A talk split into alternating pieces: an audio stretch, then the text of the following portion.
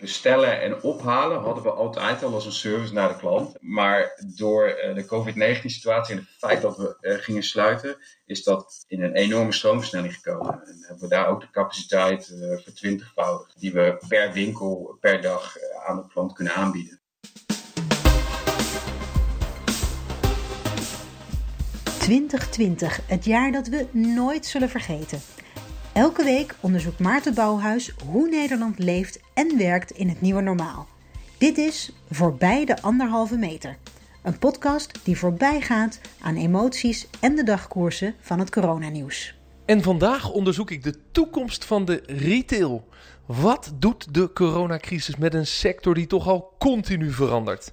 Ja, denk aan de slag in de winkelstraat en natuurlijk het grote succes van online. Frank Quix is aangeschoven. Hij is retail-specialist van retail consultancybureau Q&A.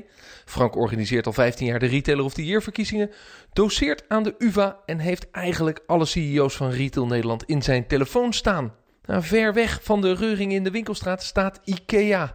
De Zweedse meubelgigant is onverminderd populair, crisis of geen crisis.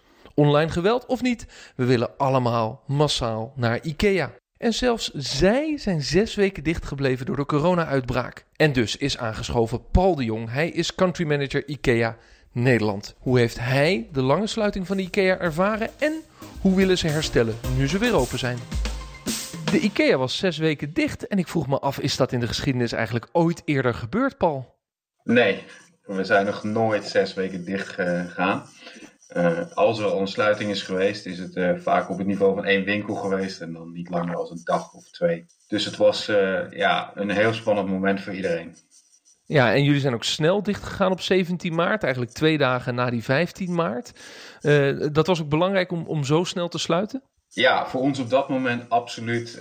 wij zijn natuurlijk hele grote winkels waar we duizenden mensen per dag mogen begroeten op dat moment, uh, vanaf de 15 maart en eigenlijk ook al daarvoor, was het moeilijk om te overzien hoe het verder gaat. En hoe je echt de zekerheid van, uh, van je medewerkers en ook voor klanten kunt garanderen, in, zo goed mogelijk dan. Ja, en op een gegeven moment spitst het zo toe dat uh, ik vond het gewoon een heel verantwoord besluit om op dat moment de winkels dicht te doen voor klanten. Ja, dan uiteindelijk, na zes weken, uh, gaan we weer open. Dat is landelijk nieuws. Er staan uh, rijen voor de winkels, vooral in de ochtend, hè, omdat ik geloof dat mensen op tijd wilden zijn. Jullie hadden erop gerekend, want er stonden hekken, maar was je toch ook niet een beetje verbaasd? Verbaasd niet, we, hadden er absoluut op gerekend. Um, en ik moet er ook bij zeggen dat um, het zag er allemaal wat drukker uit dan het feitelijk was. We waren natuurlijk um, heel erg strak voorbereid met een strak deurbeleid. Dus vooral in de ochtend uh, werden we geconfronteerd met een heel veel mensen die voor de deur stonden. Uh, in ieder geval, dat leek zo, maar dat kwam ook omdat het deurbeleid heel strak was. Uh, nou, na, na twee uur ongeveer was het voorbij. En uh, we zien nu wel nog dagelijks af en toe, vooral s ochtends, dat er wat, wat mensen voor de deur staan. Maar het is ook gewoon nodig om het goed gecontroleerd te kunnen doen. Ja, want de winkels zijn natuurlijk uh, aangepast ingericht. Het is anderhalve meter winkelen. Jullie hebben veel ruimte, maar wat is dan in dat anderhalve meter winkelen de, voor jullie de grootste uitdaging? Nou, de grootste uitdaging ligt en uh, ja, zal ook in de toekomst daarin liggen dat wij natuurlijk met uh, enorme aantallen aan bezoekers te maken hebben. En daar ligt de grote uitdaging in. Hoe stuur je dus die stromen? De verschillende stromen die je ook hebt. Dus je hebt een ingaande stroom, de mensen die komen winkelen. Je hebt net zo goed mensen die komen een product terugbrengen of hebben een vraag uh, of willen iets ruilen, uh, omruilen. Nou, al die stromen moet je gaan sturen. En dat, dat is voor ons op dat volume een enorme uitdaging. Ja, maar ik dacht wel, uh, met z'n allen dezelfde richting oplopen, dat is wat IKEA al 50 jaar succesvol doet. Dus in die zin past het er wel een beetje bij. Ja, het, het past er goed bij, maar het neemt niet weg dat je, ja, dit kun je niet voorspellen. En, en het is gewoon in een operatie die wij hebben echt super uitdaging met zoveel mensen dat te doen. En een zeker gevoel ook te geven. Vooral voor medewerkers en natuurlijk ook voor de klanten. Nou, wat dat gevoel dan is van die consument en, en hoe lang we hieraan zullen moeten gaan wennen. Eh, hoe je ook je businessmodel weer uh, op een gegeven moment op commercieel niveau uh, kan krijgen. Daar wil ik heel graag uitgebreid met jullie over praten. Ja, Frank, die anderhalve meter, daar is winkelen een beetje een soort functioneel ding geworden. alsof de beleving eruit is. het is veel gedoe. Ook moet ik zeggen, als ik het zelf ervaar. Denk, denk je dat alle consumenten dit zo ervaren? Dat, dat de lol van het winkelen er wel af is? Nou ja, ik denk uh, dat daarin uh, aansluitend op wat uh, de premier zei, dat het even een periode wordt zonder fun shoppen. En ik denk dat dat heel duidelijk is geworden. Dat we even niet fun shoppen. Nee, oké. maar goed, veel businessmodellen van retailers zijn zelfs gebouwd op, op fun shoppen. Ja, dat, eh, daar heb je helemaal gelijk in. Als je kijkt naar uh, de businessmodellen en zeker hoe we naar de toekomst daarnaar keken, was dat het heel nadrukkelijk was van een transactieplek naar meer een attractieplek. Dus een plek waar je mensen verleidt, waar je mensen informatie geeft, waar ze zich konden oriënteren. En dat zien we nu veranderen. En uh, ik denk dat we nu weer een periode tegemoet gaan zien ondanks dat ik iets anders had voorspeld, maar ik kon dit niet voorzien, uh, dat, uh, dat we toch meer naar een functionele, transactionele uh, manier gaan. En dat dat oriënteren, verleiden, dat dat iets eerder in de klantreis moet plaatsvinden. Ja, daar kunnen we ook over doorpraten. Want jij hebt begin dit jaar nog een, een, mooi retailboek uitgebracht met de titel Sale. Uh, wat niet over uitverkoop gaat, maar over nou ja, uh, beleving en de manier waarop retailers zich, zich moeten gaan aanpassen aan de consument en de toekomst. Daar kon je dit inderdaad niet voorspellen. Maar, maar daar heb je wel geschreven over ja, dat die beleving in de winkel juist heel belangrijk is. Ja, en, dat, en, en, en die mening die blijf ik ook toegedaan. Alleen nu in het uh, nieuwe tijdsgevricht zal dat even weer een tijd duren voordat dat zijn rol kan krijgen op die manier. Kijk, wat, uh, wat ik ook in dat uh, boek heb omschreven, is de snelheid waarmee je moet leren aanpassen aan een veranderende omgeving. nou, daar hadden we het over aanpassen in de komende jaren. Je hebt nu gezien hoe snel retailers, en IKEA is een heel goed voorbeeld van, dat je toch binnen zes weken heel veel veranderingen hebt doorgemaakt. Hè? Ik denk dat Paul ook veel meer nog kan vertellen over hoe zij zich vooral ook aan de online kant hebben moeten aanpassen. Want dat is natuurlijk echt een enorme slag geweest die ze de afgelopen weken hebben gemaakt. Want de online omzet is hard gegroeid, Paul? Ja, absoluut. Kijk, het, het is ook wel heel makkelijk te verklaren in mijn ogen. Want de marktvraag is er natuurlijk. En op het moment dat onze deuren dicht moesten voor klanten, um, is er dus een vraag. Nou, en de uitdaging was natuurlijk, hoe ga je daaraan voldoen? Uh, onze, onze omzet is, uh, nou, een beetje afhankelijk van welke week je, je, je neemt als referentie, maar is, ge, nou, we hebben hem verdrievoudigd of verviervoudigd. Ja, eigenlijk binnen een aantal dagen al. Ja, haalt de omzet daarmee al het niveau van, uh, laten we zeggen, wat één winkel normaal doet? makkelijk. We hebben de helft van onze omzet gedraaid in de weken dat we gesloten zijn. Ongeveer 50 tot 60 procent. Ja, van de normale totale omzet kon je nu online draaien. Juist. Oh, dat is best wel stevig. En de, en de winkels waren dan dus de, de, de cash and carry, dus daar, daar gingen mensen het ophalen. Ja, dus, je, dus zeg maar het, het, nou, het bestellen en ophalen hadden we altijd al als een service naar de klant. Hè. Die waren we vol trots aan het, uh, aan het ontwikkelen en aan het uitbouwen. Um, maar door uh, de COVID-19-situatie en het feit dat we uh, gingen sluiten, is dat in een enorme stroomversnelling gekomen. En hebben we daar ook de capaciteit uh, vertwintigvoudigd, die we per winkel, per dag aan de klant kunnen aanbieden. Ben je dan ook hoopvol dat je dat op een manier een beetje kunt vasthouden? In die zin dat dat uiteindelijk dan dus als consequentie heeft dat de winkels via de winkelvloer minder gaan verkopen? Ja, nou, je gaat, ik, ik zie dat niet helemaal zo. Want je gaat niet per se minder verkopen via de winkelvloer je gaat de klant anders bedienen, want het gaat nog steeds via de winkelvloer. En de meeste van onze klanten komen het gewoon bij ons ophalen. Hè, rijden met hun auto netjes op de parkeerplaats en dan hebben wij het al klaarstaan voor ze. Dus daar zit het verschil in. We willen daar absoluut uh, met een hoge ambitie in staan. En we hebben nou ook de ambitie van, nou, dat, uit de tijd van de sluiting hebben we heel veel geleerd. En 60% van die capaciteit uh, willen we ja, echt vasthouden als de nieuwe norm. Dus dat is enorm. Als je ziet dat uh, van die 50% omzet die we toen nog draaiden online, willen we 60% vasthouden. Zie je dan ook een ander bestedingspatroon? Want ik kan me zo voorstellen, even terug naar beleving waar we het net over hebben. Uh, ja, ik kom regelmatig in de IKEA. Uh, ik neem ook een hele hoop dingen mee, omdat ik ze daar zie, omdat ik in een emotie van het moment van het winkelen zit. En hoe langer ik binnen ben, hoe meer ik koop. Hè? Dat weten retailers ook. En dat werkt online toch een beetje anders. Uh, betekent dat ook dat je ook op een andere manier die consument moet overtuigen om toch weer meer te blijven uitgeven? Ja, natuurlijk moet je dat doen. Ik heb ook wel uh, daar twee inzichten inmiddels al in. En ik denk, uh, we spraken net over de lange rijen die voor de deur stonden bij IKEA. Um, dat zegt ook wel iets over relevantie en ook wel iets over de uitdaging die je hebt in anderhalve meter. Maar mensen zoeken nog steeds wel de interactie en, en ook wel de inspiratie. Is het dan wel zo dat je denkt dat consumenten beter voorbereid naar je winkels komen. Tenminste, daar, daar zou ik me iets bij kunnen voorstellen. Hè? Dat je, En dat je daar ook als retailer op in moet spelen door mensen te stimuleren om al vooraf te oriënteren online. Beter te weten wat je, wat je wilt. En dat je ze dan ook veel gerichter kunt gaan helpen. En dat je misschien wel zelfs voor sommige afdelingen, kan ik me heel goed voorstellen, dat daar waar ik nu op goed geluk naar de IKEA ga om een keuken eh, misschien eh, te gaan kopen, dat ik nu een afspraak maak. Ja, ja nou, dus we hadden dus, hè, dus, dus voorop staat voor mij steeds, we zijn een, een, bron van inspiratie door verschillende kanalen. In de bestedingspatronen zagen we natuurlijk eigenlijk in zes weken tijd hele verschillende bewegingen. De eerste week stond helemaal centraal om alles wat met home office te doen had. Iedereen had er eentje natuurlijk uh, nou, goede stoelen nodig, goede bureaus. ik denk dat wij dat heel goed kunnen tegen een goede prijs. Uh, verder gaat het ook dan inderdaad, ja, je moet je anders inrichten. En wat we ook met heel veel snelheid hebben gedaan. Dus als je dus naar de keuken aanspreekt, van, nou, wij zijn heel snel in, in echt een virtuele planning gegaan. Dat is nog iets wat we mm, ja, in, een, in een sneltreinvaart hebben omgezet. Er stond op ons verlanglijstje um, voor de komende tijd. En um, we hebben het toen omgezet uh, in, in een week tijd. En zo speel je ook wel in. En op uh, een ander bestedingspatroon en misschien ook een andere manier al hoe, hoe, consumenten natuurlijk ook optreden in de markt. Dus in die zin, doordat je eigenlijk de afgelopen periode intern al volop dat digitale had ingezet, toen kwam corona en toen had je een soort van accelerator, een soort superversneller, waardoor het misschien wel twintig keer zo snel ging als dat je aanvankelijk had gepland. Ja, zo, zo kun je het inderdaad beschrijven. Ja, maar dat betekent dus ook dat die, eh, zoals Frank het zegt, die klantreis en de manier waarop de klant zich oriënteert, die gaat dus wel fundamenteel veranderen. Ik ga op een andere manier die keuken kopen. Ik ga ook op een andere manier de wat kleinere producten van, van de IKEA kopen.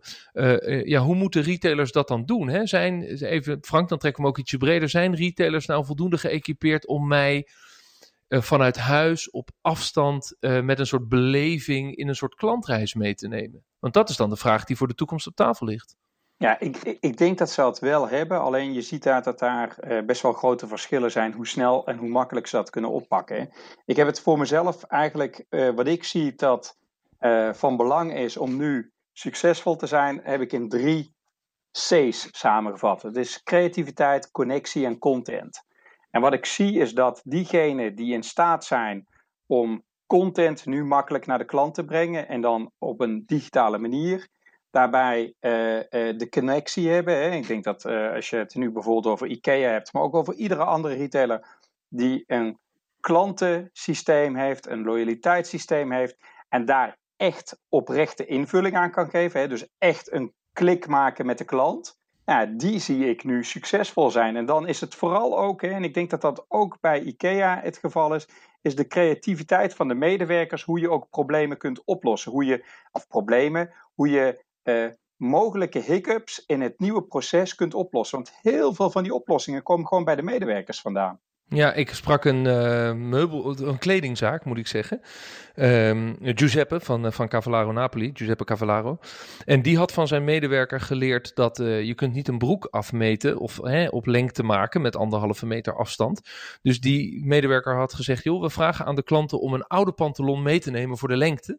En dan kunnen we die op de nieuwe pantalon leggen en dan kunnen we dus de maat meten. Ja. en dan, dan heb je wel even een, een creatieve korte termijn oplossing. Uh, maar ja, het blijft natuurlijk zo dat als ik kleding ga kopen, dan wil ik gewoon geserviced worden. En dan wil ik dat als mijn pak wordt uh, aangemeten, dat iemand ja, eventjes netjes mijn broek afspelt. Ik bedoel, daar moeten we toch wel weer naartoe terug om, om dat soort zaken niet om te laten vallen, Frank. Ik denk dat dat op termijn wellicht weer kan. Maar voorlopig, hè, we hebben vorige week een uh, consumentenonderzoek gedaan. En hebben gevraagd van als je nou uh, een top 5 zou moeten maken van de dingen die je meeneemt uit de, deze coronacrisis. Hè. Wat is dan de nummer 1? En dat is toch afstand houden. Dus dat had ik zelf niet verwacht. Hè. Ik had allerlei andere dingen kunnen bedenken. Bijvoorbeeld thuiswerken als op nummer 1. Nee, afstand houden ten opzichte, ten opzichte van elkaar. Ja, dat betekent toch dat wij echt anders na moeten denken hoe we met die klantvragen uh, omgaan. Want dat betekent dus dat consumenten, mensen, burgers, het eigenlijk wel prettig vinden dat we wat meer persoonlijke hygiëne hebben. En niet ja, voortdurend, uh, uh, uh, laten we zeggen, zwetende medemensen in onze nek te hebben hangen, waar dan ook. Dat is eigenlijk nou, wat ze zeggen. Ik, nou, ik weet niet of, of dat is wat ze zeggen. Ik denk dat er veel meer de, de angst is dat je elkaar besmet. En ik weet niet of dat. Ik, ik, ik denk dat dat meer de onderliggende factor is dan uh, dat mensen dat niet prettig vinden. Hè. Jij, jij, jij, kenschetst een, een beeld van uh, misschien uh, één op de duizend medewerkers in retail die je zo tegenkomt. Hè. Dat, dat is misschien niet oh nee, het gaat me niet om de medewerkers in de retail. Het nee, gaat nee, gewoon maar... uh, over de plakkerigheid in de trein, zullen we maar zeggen. Met z'n ja. allen op een bezwete dag. Ja. Ik bedoel, ja, dat is natuurlijk met afstand houden wel prettig. Een beetje eigen ruimte. Ja, maar ik denk dat die eigen ruimte, dat, daar moeten we slim mee leren omgaan. En ik denk dat daar de, uh, zo'n creatieve oplossing zoals jij hem noemt. Uh, maar zo zijn er ook allerlei oplossingen in winkels. Ik zie gewoon heel veel oplossingen komen gewoon bij de medewerkers vandaan. Ja, dan iets anders, Paul. Um, uiteindelijk wil je natuurlijk een stuk van je omzet ook gewoon weer terugleiden naar die winkel, hoe hard nu die online groei ook gaat. Daarvoor zullen de mensen toch ook naar de winkel moeten komen om zich te laten inspireren, om rond te lopen, nou ja, en, en uiteindelijk te kopen. De overheid zegt op dit moment nog steeds als belangrijkste advies: blijf thuis. De burgemeester van Breda heeft bijvoorbeeld eh, recent in een, in een interview gezegd: zullen we dat niet veranderen naar houd afstand? Precies aansluit op wat Frank zegt. Die anderhalve meter vinden we eigenlijk wel prettig. Uh, uh, dus niet blijf thuis, ga op pad, help de retail, maar houd afstand. Uh, ben je ook van mening, Paul, dat die boodschap van de overheid zou moeten veranderen? Ik denk dat het heel belangrijk is om die afstand te houden en daar doen wij ook alles voor ik denk dat dat is voor ons, om dat te doen en dat te garanderen, is voor ons leidend. Ik ga niet voor een overheid een advies neerleggen. Dat, dat moeten ze zelf doen, de overheid. Ik vind dat we tot nu toe dat, dat heel goed doen in Nederland. We lopen nou wel tegen een, een, een volgende fase aan en dat merken we ook allemaal. En ik denk dat wij daar een boekbeeld van zijn met alle foto's met de mensen voor de deur. Um, ja, mensen willen weer meer naar buiten. Mensen willen een stukje vrijheid terug. En ja, ik heb ook wel mijn eigen vraag bij hoe groot gaat dan het verschil echt zijn. Hè? Is dit een reset uh, moment en gaat de samenleving echt nieuw zijn? Um, of is dit een pauzeknop? Um, en ik heb daar uh, ja, wel twee verschillende meningen over. Hè. Tuurlijk zullen heel veel dingen nieuw zijn. Aan de andere kant, als ik kijk naar wat er nu bij ons gebeurt, vandaag al, en welke uitdaging onze medewerkers elke dag hebben, mensen op afstand te houden, ja, vraag ik me wel ook af hoeveel nieuw normaal gaan we echt zien. Ja, ja, dus je denkt uh, die anderhalve meter is misschien voor de komende maanden haalbare kaart. Maar daarna zullen we toch ook dat weer gaan veranderen, omdat het niet houdbaar is op de echt lange termijn van bijvoorbeeld een jaar. Ja, ik denk dat, dat mensen dat nu wel al langzaam aangeven. Natuurlijk zie je dat heel veel mensen zich houden aan, aan de, de, maatregelen die de overheid treft en, het appel wat ook premier Rutte doet. Maar aan de andere kant zien wij het ook heel duidelijk in de winkel. Hè. De toestroom, uh, mensen komen weer. Daarom denk ik ook wel, natuurlijk gaat het uitdagend zijn en anders, maar ik zie ook heel veel kansen om die winkel heel snel weer gewoon op een heel goed niveau te brengen. Ja, maar ik stel de vraag ook omdat het mij als, als ondernemer, als retailer zo lastig lijkt dat de overheid zegt blijf thuis en tegelijkertijd tegen de ondernemers zegt uh, maak plannen, maak protocollen, uh, zorg dat je in een anderhalve meter samenleving weer open kan. Ja, ik wil best mijn best doen om open te gaan, maar dan moet je ook niet de mensen afremmen om naar me toe te komen. De, die ja, dubbele boodschap lijkt me voor een retailer echt heel ingewikkeld. Ja. Wat ik daarbij ook zie is dat uh, kijk, zoals afgelopen weekend wordt er al uh, gezegd dat er heel veel mensen uh, weer de straat op gaan. Hè? Kijk, ja, dat klopt. Ten opzichte van een paar weken geleden is het aantal mensen in de winkelstraten verdubbeld. Maar dat zit nog steeds op 40 procent. 40 procent van wat er normaal gesproken loopt. Hè? De, de, de, dus dat, dus 60 procent is er niet. En, uh, en een paar weken geleden was 80% er niet. En ik denk dat je daar uh, naar moet kijken. Dus dat betekent nog steeds dat er heel weinig mensen eigenlijk op straat zijn. die anderhalve meter economie, hè, dat is een soort metafoor natuurlijk geworden, omdat daarin ja, het ogenschijnlijk in elk geval zo werkt dat als je dan elkaar aanstaat te hoesten, dat, dat je dan minder risico loopt. Maar dat is ook een beetje het beeld. Hè? En ik denk dat we daar wel een beetje uit moeten zien te komen, omdat heel veel dingen kunnen niet in die anderhalve meter. Dus denk afstand houden, ja. Maar eh, Paul zegt ook al terecht, mensen, hè, de, op, op enig moment uh, vergeet je dat ook weer. Maar ik denk dat het vooral zo is als je, als je ziek bent en uh, uh, het ziektebeeld uh, hebt, dat je dan niet op pad gaat. En ik denk dat dat veel belangrijker is. En daar hebben wij zelf niet zoveel invloed op als ondernemer. Als ondernemer heb je niet zoveel invloed op wat iemand doet die of bij je werkt of die uh, uh, je winkel komt bezoeken. Nu is het aardige van wat je zegt, er zit nog steeds 60% minder bezoek in die winkelstraat. hoe lang kunnen winkels en, en ketens, die het ook afgelopen jaren al best wel zwaar hadden, dan heb ik het over de, de fysieke retail vooral, hoe lang kunnen die dat volhouden? Die hebben gewoon de drukke zaterdagen nodig in de gewone winkelstraat om überhaupt te overleven, Frank. Ik bedoel, uh, gaan we nog meer um, faillissementen zien, mede door corona in de retail? Uh, ja, nou, ik denk dat laatste, dat kun je niet uitsluiten. en ik denk dat dat zeer realistisch is dat daar hier faillissement uit voortkomen.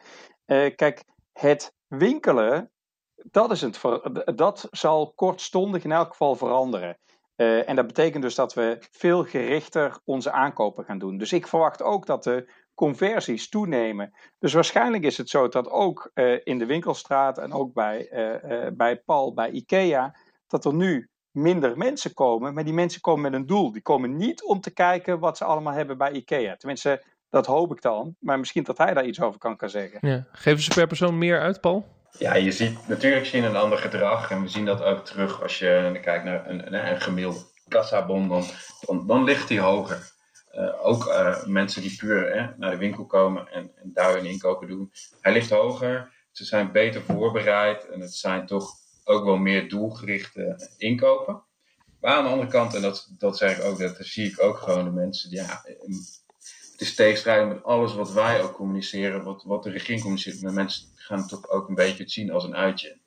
Uh, het, is, het is bij ons heb je veel inspiratie. Je bent even bezig, je loopt door die winkel. En dat is wel uh, wat we ook zien. Maar in het algemeen kun je gewoon echt wel zien dat mensen heel doelgericht komen en goed voorbereid zijn. En de aankoop gewoon wat hoger ligt dan normaal. Ja, dus dat is een veranderend klantgedrag, Frank. En je denkt dat kun je ook doorvertalen naar andere winkels. Mensen gaan gerichter op pad, conversie hoger, geven iets meer geld uit. Maar de vraag is of dat voldoende is voor sommige kledingzaken of schoenenzaken. Of nee, dat, dat, nou, van mij part buitensportzaken ja. om te overleven. Nee, dat, dat, dat zal echt, echt lastig zijn. Daar staat tegenover, hè, voorlopig, en dat zullen we even moeten afwachten hoe dat uh, uh, zeg maar 20 mei gaat zijn. Hè. maar voorlopig is het ook zo dat we waarschijnlijk onze vakantie thuis gaan vieren. Nou, en dat biedt ook wel weer kansen. Hè. Dus kijk, ik, ik ga hier niet de grote optimist zijn. En jongens, dit maakt allemaal niks uit. Hè. Dit heeft heel veel invloed op retail. Vooral op non-food uh, en zeker als je naar mode, schoenen, die branches zullen echt heel hard geraakt worden. Tegelijkertijd uh, bereid je ook voor als onderneming op de kansen die er nu liggen uh, als wij allemaal thuis zijn om de vakantie te vieren. Want ik denk toch dat dat ook wel weer mogelijkheden biedt om jezelf toch een klein beetje te verwennen, omdat je de hele tijd thuis moet zijn. Ja, want Paul, het wordt de thuiszomer en daar heeft IKEA ook wel zo zijn producten voor. Hoe bereiden jullie je daar nu al op voor? Ja, het is inderdaad ja, natuurlijk een mooie kans voor ons. Het leven zal veel meer thuis zich afspelen. Ik denk dat wij daar uh, mooie oplossingen voor hebben. Ja, in, die zin, hoe bereiden we ons erop voor? Focus ligt er nou gewoon op in, in de fysieke retail, dus in onze winkels, echt de operaties zo veilig mogelijk te houden. Ten tweede kijk je dus nou, eh, trek je bepaalde productgroepen naar voren, ga je die in focus zetten. Onze, onze agenda is wel veranderd. Waar gaan we op sturen, waar gaan we niet op sturen? Wat gaan we activeren, welke doelgroepen gaan we activeren. Dat uh, hebben, we, uh, ja, hebben het roer echt omgegooid voor de zomer. En wat is dan een voorbeeld van waar je nu meer op gaat sturen of welke doelgroepen je meer wilt benaderen voor de zomer? Ja, nou, ik eh, wil daar niet super diep op ingaan, want dat is, uh, dan geef ik een stukje competitief uh, voordeel weg, in mijn ogen. Maar, maar je kunt het zo zien natuurlijk, mensen zijn heel veel thuis. Dus je, en, en zolang je ook nog wordt gevraagd om ook zoveel mogelijk thuis te blijven, dus kijken we, wel, kijken we heel erg naar wat voor activiteiten gebeuren er nou thuis. Hè? Als, dan neem je bijvoorbeeld een gezin met twee kinderen. En wat doen die dan nu thuis? Nou, je niet meer uh, heel veel naar buiten kan. Nou, ja. zou je kunnen denken aan spel aan tafel. Uh, dat, dat, dat, zie je ook wel weer terug. Dat wordt veel, maar ook uh, het gamen. Hoe kan je dat goed inrichten? Dus hoe kun je ja. samen zijn, maar toch iedereen zijn eigen ding doen? En, en welk assortiment heb je daarvoor nodig? En, en dat activeren we. Verkopen jullie eigenlijk een leuke puzzeltafel? Want in dit huishouden zijn er al drie puzzels van duizend stukjes gemaakt. Die liggen los op tafel. En af en toe valt er zo'n puzzelstukje af. Of uh, ik heb de tafel ergens anders voor nodig. Dan heb ik wel zo'n inrolkleed, maar dat werkt niet echt goed. Dat is misschien een leuke productinnovatie. Ja, ja inderdaad. Uh, ik stel elke podcast ook altijd even een vraag van mijn, mijn dochters. Wanneer is de ballenbak open? ja, dat is een hele mooie vraag. Um, nou, de, de ballenbak is echt het allerlaatste wat wij gaan open doen. Wij willen zo lang mogelijk een, een, veilige, ja, een veilige situatie creëren voor onze medewerkers en klanten. En de ballenbak uh, impliceert eigenlijk dat we echt weer een dagje uit opstarten. Op het moment dat dat er is, uh, durf ik dat zonder dat ik dat heb afgesproken met mijn collega's wel zeggen dat we dat feestelijk gaan doen. Want dat betekent dus in, mij, uh, in mijn ogen iets veel groters. Dat we weer de IKEA-winkel kunnen zijn die we ook echt willen zijn. Nou, dat feestje sluiten de dochters dan wel bij aan. Um, voor IKEA is de duurzaamheid heel belangrijk. Uh, het kan natuurlijk zijn dat we door corona een meer Europese supply chain krijgen. Minder afhankelijk worden uh, van China. Uh, ik kan me voorstellen dat als dat gebeurt, dat dat ook wel een grote ontwikkeling is voor IKEA. Dat, ja, dat zal de tijd moeten leren of dat echt zover gaat komen. Dat we echt inderdaad een waardeketen gaan zien die meer in Europa wordt gecreëerd. Maar ik denk wel dat dat het een kans is nu voor ons. Wij hebben een hele hoge ambitie. En ik denk dat we heel veel goed doen. Aan de andere kant heb ik ook wel een zorg als we echt in een, in een crisis komen. Dat, uh, ik hoop wel dat we vasthouden aan onze ambitie allemaal. Als landen, als bedrijven. En ik vind het ook wel mooi om niet alleen over een anderhalve meter economie te praten, maar ook over een 1,5 graad economie te praten. Dat is dus de, dat is dus wat we willen tegengaan. Hè? Dus die hogere stijging. Ja. Juist, Parijsakkoord. Dat we dat niet uit het oog verliezen. Dus we praten heel veel over anderhalve meter. Ik denk in deze context ook anderhalve graad economie. Um, ja, dat is denk ik eh, een mooi begrip om mee aan de slag te gaan. Want er is namelijk in deze coronacrisis ook een duurzaamheidsparadox. Namelijk, eh, er gebeuren heel veel dingen die op korte termijn even heel duurzaam zijn. Kijk naar het vliegverkeer en eh, de supply chain, de relatie met China en alles wat er gebeurt. Aan de andere kant, als we straks een stukje armer worden door een dikke recessie, hebben we ook minder geld om te investeren in die transitie. Wat zijn, laten we zeggen, de dingen die er bij jullie op de lijst staan, die je eigenlijk nu gepland had om in duurzaamheid te investeren, ja, die je wel wilt uitvoeren, maar die misschien ook wel, wel onzeker worden? Nou, ik durf te zeggen dat dat is echt een prioriteit nummer één bij ons. Ik zie niet dat wij snel hier besluiten gaan nemen die ervoor zorgen dat uh, onze duurzaamheidsagenda langzamer wordt. Misschien zelfs het tegendeel. We gaan volgend jaar ook heel veel doen en dat begint gewoon met uh, de, producten die we aanbieden. Daar hebben we inmiddels al meer dan 4000 producten die gewoon echt duurzaam zijn. We gaan een heleboel prijzen verlagen en dat zit voornamelijk in, in het segment van de duurzame producten. Uh, Frank, uh, als we dit gesprek in het midden van de zomer nog een keer zouden hebben, wat denk je dan als je eerlijk bent hoe de, hoe de winkelstraat en de retail erbij hangt tegen die tijd? Wat ik denk of wat ik hoop? wat je denkt? Dan denk ik toch dat we al een uh, aantal retailers kwijtgeraakt zijn. Ja, ik, denk, ik denk dat voor een aantal gewoon dit nu al, al iets te lang duurt. En dat, de, de, dat is waar ik, waar ik wel vrees. En sowieso als je kijkt naar de horeca, hè, die een best wel groot onderdeel uitmaakt van die winkelstraat, zeker de afgelopen jaren, daar vrees ik als eerste voor. Omdat dat, ja, dat, is, dat is bijna niet te doen. Als je twee maanden al stil ligt en uh, uh, straks maand drie of vier in moet. Dat kan niet. Paul, als jij uh, je collega uh, retailondernemers een hart onder de riem zou steken, wat zou je tegen ze zeggen? Ja, dat is een mooie vraag. Um, ja, ik, zo lang mogelijk de moed erin houden. En, en vooral ook, en dat is ook een beetje een handreiking, wij zijn uh, meer dan bereid ook ja, te steunen in advies, in onze, in onze learnings ook te delen. Of daar ook een advies uit te geven naar collega's in, in, in retail. Bedankt, Paul de Jong, country manager IKEA Nederland, en Frank Kwiks, de retail specialist. Dat is nogal wat. De winkelstraten zijn dus half zo vol als normaal. Het wordt zwaar voor sommige retailers. Maar er zijn ook kansen. Het wordt dus een thuiszomer. Daar kun je je ook aan aanpassen als retailer. En wat betreft IKEA, toch knap dat ze zo snel hebben geschakeld. Dat ze zes weken dicht waren, maar zoveel online hebben verkocht. En dat nu ook vast willen houden.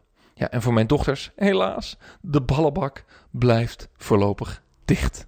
Dit was hem alweer de eerste uitzending van Voorbij de anderhalve meter. Volgende week gaan de scholen open. En dus verdiep ik me in het onderwijs met Claire Boonstra, onderwijsspecialist. En vraag ik me natuurlijk af hoe die digitalisering die we de afgelopen weken hebben gezien, hoe we die vast kunnen houden in de toekomst van het onderwijs. Bedankt voor het luisteren. Tot volgende week.